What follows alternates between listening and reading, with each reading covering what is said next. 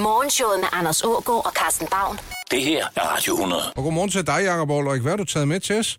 Jeg har øh, et genoptryk af Mere Bedre Sex, som faktisk var min første bog. Ja. Er, der, er der succesgaranti på den, eller pengene tilbage? Nu giver du den, det ved jeg godt. Ja, nu er det en gratis en til dig her, ikke? Ja. Øhm, men det er faktisk et opslagsværk til mænd i, hvordan de håndterer kvinder, ikke? Så du kan ligesom... Du behøver, altså, vi, vi mænd, vi læser jo ikke sådan en bog, vel? Nej, jeg har lige slået op. Jeg kan godt lige læse det her. Vær sikker på, at hun har lyst. Træn ind i at elske sin egen kusse. Arbejd derned over hendes krop fra hovedet og helt til fødderne. To skridt frem og et tilbage. Varier din slik og find ud af, hvor hun bedst kan lide det. Og for alt i verden, fortæl hende igen og igen, hvor skønt hun dufter og smager. Velkommen, Jacob Olrik. du har sgu da en god stemme til det der. Hvad så? Og jeg sidder også lige og kigger på øh, ja, orgasmeafsnittet. Ja, vi har at gøre med godt og vel 22 sider øh, orgasme-lektioner. Dem kan man ikke få for mange af. Øjenorgasmen, blandt andet. Hvordan gør man den? altså, hvad er en orgasme? Det er sådan noget det med at, at blive kildet lidt. Ligesom et, et, et nys, faktisk. Mm. Ikke? Det er sådan lidt ubehageligt. Øh, nej, jeg kan ikke. Jeg, jeg, jeg, jeg, jeg vil ikke have mere. Jeg, jeg, ja! Så er det overstået. sådan en slags krampe, der ligesom går op ikke, i, i noget i pirligt ulidelighed, som så eksploderer. Ikke? Jo, til det... lidt liderlighed. Ja. ja. Og det jeg har bare lyst til at tale om din bog, Jacob. Jeg, jeg synes, det er, Ja, det kan det også være, vi meget, kan nå meget. det. Der er både foredrag, der hedder Mere Bedre Sex. Der er både foredrag og bog, der hedder Kvinde kendt din mand. Mm. Du har udgivet en roman, der hedder Natsværmer. Ja. Nej. Og så er du bare god i, i alt, hvad der hedder, hvad der er sket, synes vi. Så derfor ringede vi til dig. Nå, det er dejligt. Ja. Hvis vi skal starte sådan, øh, fra, sådan fra vores brainstorm på redaktionsmødet, mm. så Anders han sagde i 90'erne på strandene, jeg siger jer, damerne lå topløse. Det er rigtigt. Og så, og så står vi her i 17, og hvor er de topløse piger blevet af? Jamen, jeg, altså, de er blevet øh, helt skræmt væk. Det var, jeg, jeg havde faktisk sidste sommer en virkelig griner, ikke? Og sådan nogle teenagepiger, der skulle stå og klage op. Og så havde de meget besvær med at holde det der håndklæde, mens de ligesom skulle lave den manøvre, at man kan tage trussen og den anden badetrus på, mm. uden at blive set. Det var virkelig helt klovnagtigt. Og det, der var så sjovt, at det sådan endelig stod dækket af fra hinanden, og tæpperne op og sådan noget. Så, det så var der jo kun sådan en tandtråd, de havde på alligevel.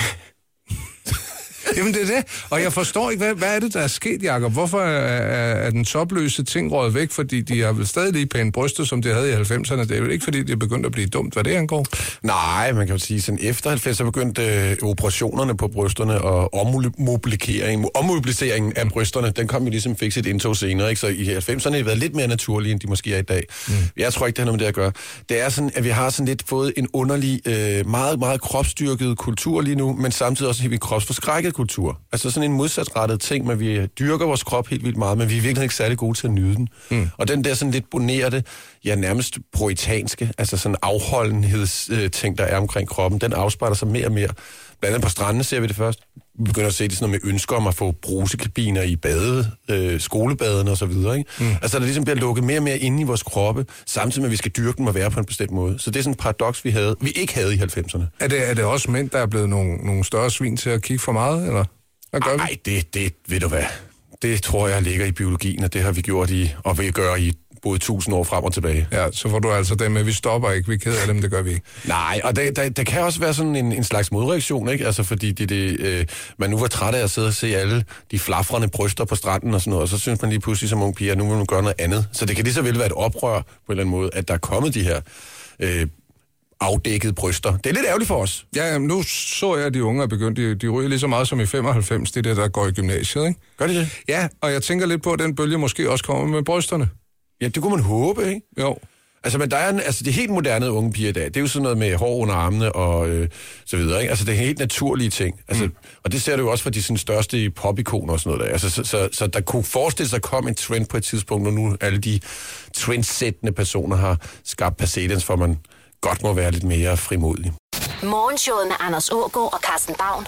Det her er Radio 100. 90'erne, hvis vi sådan kigger på det sådan rent seksuelt, så var det jo et, øh, et årti, hvor der kom øh, sex med sig, og, og øh, ja, der var, der var sådan vulgære jolly cola reklamer, hvor øh, øh, Tina Kær blev øh, tilbudt øh, 27,5 cm ren nydelse. Der lå i skuffen. Ja, dem der snakket meget om den reklame. Der. Ja, ja. Ja, ja, ja. Er du da helt vanvittigt. Og appelsinerne. Prøv at tænke, i dag vil den jo Ja, det var sikkert ikke engang virke. Det vil ikke engang få lov at være der. Det vil bare være plat. Og Chippendales kom øh, første gang til Danmark i 1992. Og der var vildt meget godt tv. Der var en, der hed Preben, der i den grad formåede at få nogle damer ind i stallen. Og så, øh, jeg tror, det var TV Danmark, der tænkte, skulle vi ikke lave et fedt program ud af det? Det blev til Stripperkongens piger. Ja, det var stort. Ja, det var i 98. Og så var der Porno Lasse, som øh, vi jo alle sammen var, var sådan mere eller mindre dus med. Ja. Men, men sådan, kan du, kan du øh, sådan sætte os lidt ind i, hvad, hvad, hvad foregik der sådan blandt danskerne sådan rent seksuelt i øh, 90'erne?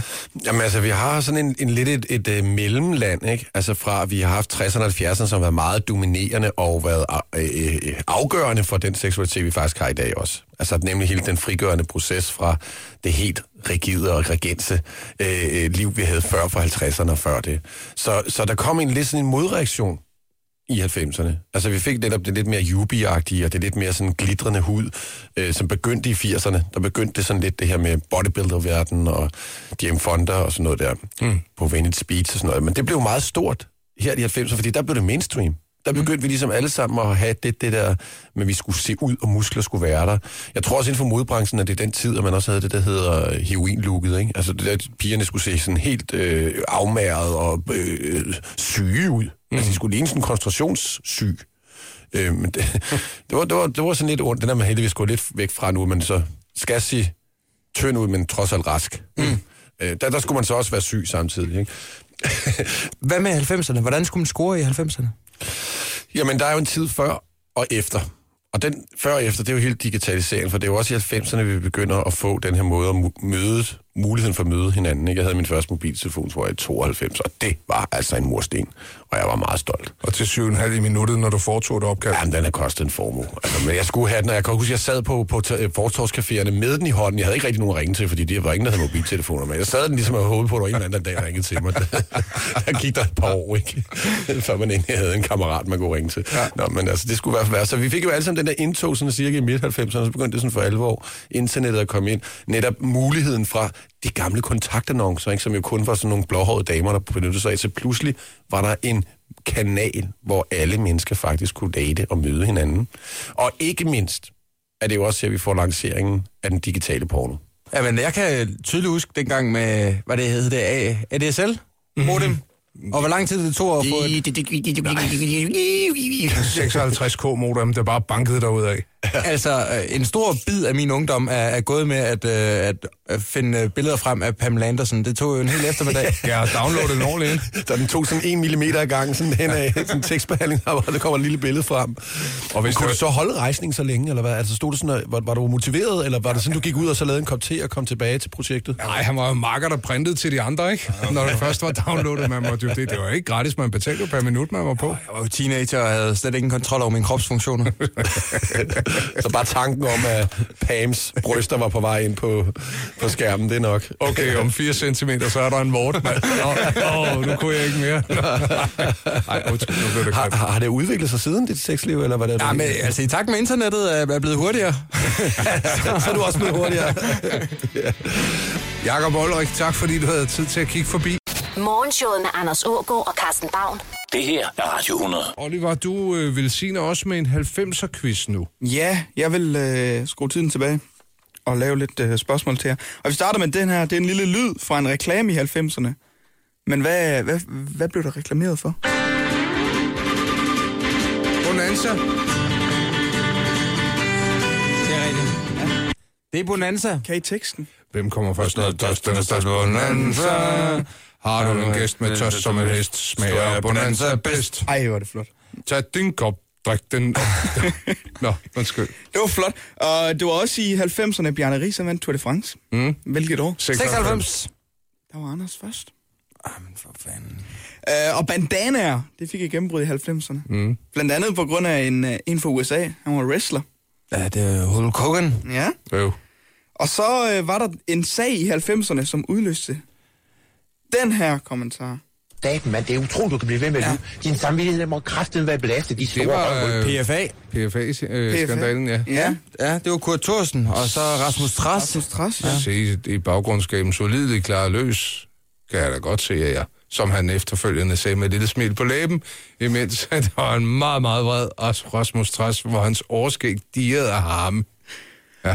Ja. Og Spice Girls. Du var girl power i 90'erne. Mm. Kan jeg nævne alle kælenavnene? Ja, Posh, Sporty, uh, Baby, og Scary. Scary og Ginger. Ja, jeg tror, du får den, Karsten. Ja, det er rigtigt. Mangler der nogen? Nej, det er dem. Mm. Og det var, øh, det var øh, Mel B, der var Scary Spice. Hvorfor var hun det? Det ved altså jeg ved det ikke. Ja, det er sgu fedt på noget. Hun så farlig ud. Ja. Så var der også, så arbejdede de jo også med en Slutty Spice, men det blev simpelthen for meget for, for det britiske publikum. Ja, er det rigtigt? Det ved jeg ikke. Slutty Spice? Ja, det er rigtigt. Slotty Spice. Slutty Spice. Ja. Simpelthen, når hvem scorede målene i finalen mod Tyskland. Det gjorde John Fox, det. Ja. Mm-hmm. Hvad med... Nu skyder jeg Oh! lidt. Kim Mølford? Det er rigtigt. Ej, pis også, mand. Det er det. Ja, den, det er det. den deler vi ja. på den. Var det der, vi landede? Det var der, vi landede. Ja, nå, men jeg synes, det, det gik meget godt alt i alt. Morgenshowet med Anders Ågaard og Carsten Baum. Det her er Radio 100. Morgenshowet på Radio 100 præsenterer Dagens Land. En radiofonisk rundrejse.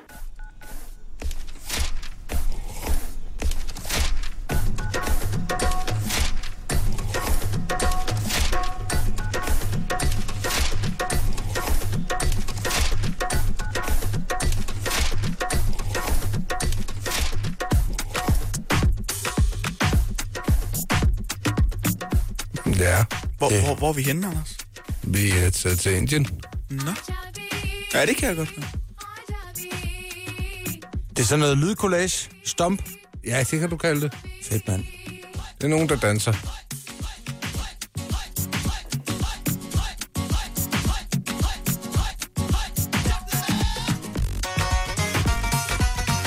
Sådan der. Er det en el-sitar?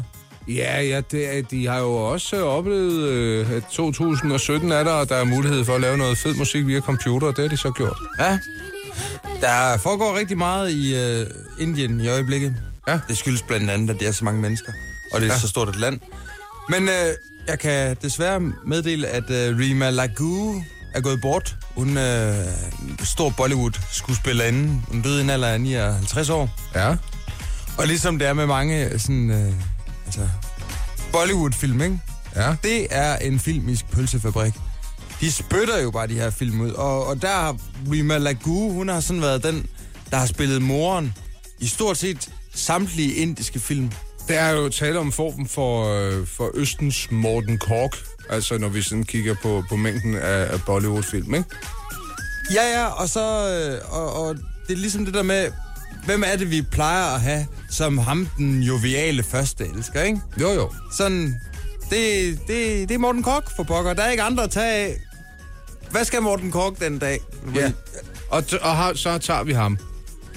Altså, øh, ja, det er vel en Kurt Ravn. Han har også været, han har op, været op og vende, ikke? Ja. Og så det kommer an på, hvor folkeligt det er. Hvis det er tilpas bredrøvet, så kan vi stadigvæk godt hive uh, Dario Kamper Otto ind. Jo, jo. Ja, eller Ole Steffensen for den sags skyld. Ja, eller Nikolaj Likås. Sikkert han er optaget til anden side, men sådan er det jo. En other news, der er også blevet født en uh, kyklop, ko. På de kanter, kan vide, at det må være ekstra heldig så. Det er den også. Ja. Øhm, En enårig ko. ja, og, og, og koens ejer, der hedder Mokoi Das, mm. han siger, at øh, det var en kæmpestor overraskelse, da han øh, første gang stod ansigt til ansigt med den her kyklop-ko. Øh, det er jo et mirakel. Ja, det ved Og- jeg ikke. Det er nok, det er nok mere tale om en form for genfejl. Ja, og, og nu skal jeg også rette mig selv, fordi at jeg synes bare, det lignede en ko, men det er selvfølgelig en babyged. Hvis det havde været en, en babyko, så havde det været øh, et heldigt dyr. Ja. Men, en, øh, men det er den næstbedste med en, øh, med en kyklop babyged. Ja. Og, Og- det kan være nuttet. Ja, og, og folk de valgfarter nu øh, til Mokois øh, ja, lade, hvor han har øh, kyklogeden. Ja, han kan vel tage entré for skidtet. Jeg var i LaLandia, hvor de havde små gedekide. Jeg kunne da godt forestille mig, at jeg kunne sælge endnu flere billetter, hvis det var en enåret. Ja. Kom og se den enårede ged, og Ja, hoppe en tur i badeland samtidig. Spise nogle bacon chips og drikke en stor fad. kyklogland. Ja, ja, hvorfor ikke kalde det det? Så bygger man simpelthen en uh, temapark op omkring den her misdannede lille ged. Jamen, misdannet dyr, en zoologisk have med dem, det må kunne blive et tilløbsstykke uden lige. Hvad, hvad kommer der egentlig til at foregå derude på øh, ved Nordhavn? Der, der er blevet... Altså, det er jo Oliver, der ved besked den her sag, mm. Anders. Jeg ved ikke, om du har hørt, at der er nogen, der er klar til at, at lægge 5 milliarder for en uh, forlystelsespark i, uden for København ved Nordhavn. 5 milliarder. Jæber. Og, hvad, og det er nogle pengemænd, der aldrig har drevet forlystelsespark før, der som bare lige har fået den her lyse idé med, at det kunne da være meget fedt, så Ja, kunne man ja. lave noget. Jo, jo, men en af dem, han har jo trods alt lige øh, arbejdet som for rengøringsfirma, der, rengør, øh, der gør rent på hoteller. Ja. Og lidt, han har jo styr på det. Så han har allerede lagt en plan for, hvordan der skal gøres rent i den her øh, forlystelsespark, han har tænkt sig at øh, skyde 6 milliarder efter. Men altså, når vi taler så mange penge, så er det jo folk, der har råd til at tabe dem, som er inviter- en, interesseret i et lille eventyr, ikke? Mm. Så hatten af for det. Morgenshowet med Anders Ågaard og Carsten Baum. Det her er Radio 100. Hvad sker der, hvis man øh, kombinerer et øh, finsk mejeri med en øh, A-kendis? Jeg ved det ikke. Så får du øh, Christianes øh, tarmtips. Hej, og velkommen øh, i min tarm. Tak. Du er velkommen til at kigge dig omkring. Åh, tak skal du have, Christiane. Kender du det, når tarmene ikke er helt glade? Ja. Og du føler dig måske sådan lidt oppustet? Lidt Det er i hvert fald ikke alle ugens dage, at mine skinny jeans og jeg, vi er de bedste venner. Nej. Og jeg har rigtig tit på fornemmelsen, at meget bøvlet det faktisk stammer fra tarmene. Mm. I det hele taget, så synes jeg, at vi skal snakke meget mere om tarmene. Man siger jo, at 70 procent af immunforsvaret, det sidder i tarmene. Jeg er også slet ikke klar over, hvis så meget om tarme. Nej, nej, nu kommer hun bare med den store tarmfakta-boks. facts om mine tarme. Og det gælder jo så sjovt nok også for dig. Ja, det er sket. Danskerne, de omtaler ofte tarmene i ental. Men det passer ikke. Nej, Men vi har jo faktisk to tarme. Ja. Vi har tyndtarmen, Tyndtarmen og så og har vi tyktarmen. Tilsammen så er mine tarme, og altså også dine, de er cirka 8 meter lange, hvis man altså folder dem ud. Wow. Hvis du breder dem ud på jorden, så svarer den samlede overflade til 40 kvadratmeter. Og hvis du lagde alle tarmenes mikroskopiske femmerhår sådan op lige efter hinanden, Jamen, det gør du jo ikke. så strække sig Hele vejen rundt om jorden. kilometer. Nå. Nå, skal vi, altså, og så fortsætter vi ellers bare. 500 Ej, forskellige okay. bakterier i min tarmflora. Der er mange milliarder af dem, nu, og tilsammen så vejer de op imod et halvt kilo. Det er alligevel noget. alligevel en ret god chat. Ja. Når jeg fylder 70, så er der løbet 30 tons mad gennem min tarm. Lort. Det svarer til, at jeg har spist seks mellemstore elefanter, eller en mindre kaskalotvæg. Ja, du har altid været god til at tage fra. Hvis jeg prutter uafbrudt i 6 år Hvad så, og 9 Oliver? måneder, så vil det ud over at lugte dårligt, så vil jeg også producere så meget gas, at energien vil svare til en mindre atom. Nej, det er rigtigt. Men nu øh, prutter jeg jo naturligvis aldrig. Så det der med den der bombe, det bliver nok ikke aktuelt forløb. Nej, nej. Nej. Også at se min video Christianes tarmtips, hvor jeg fortæller lidt om, hvordan jeg holder mine tarme glade. Det var alt for nu. Du er velkommen til at blive her og kigge dig omkring i min tarm, så længe du har lyst til. Nå, hvor er det sødt af hende.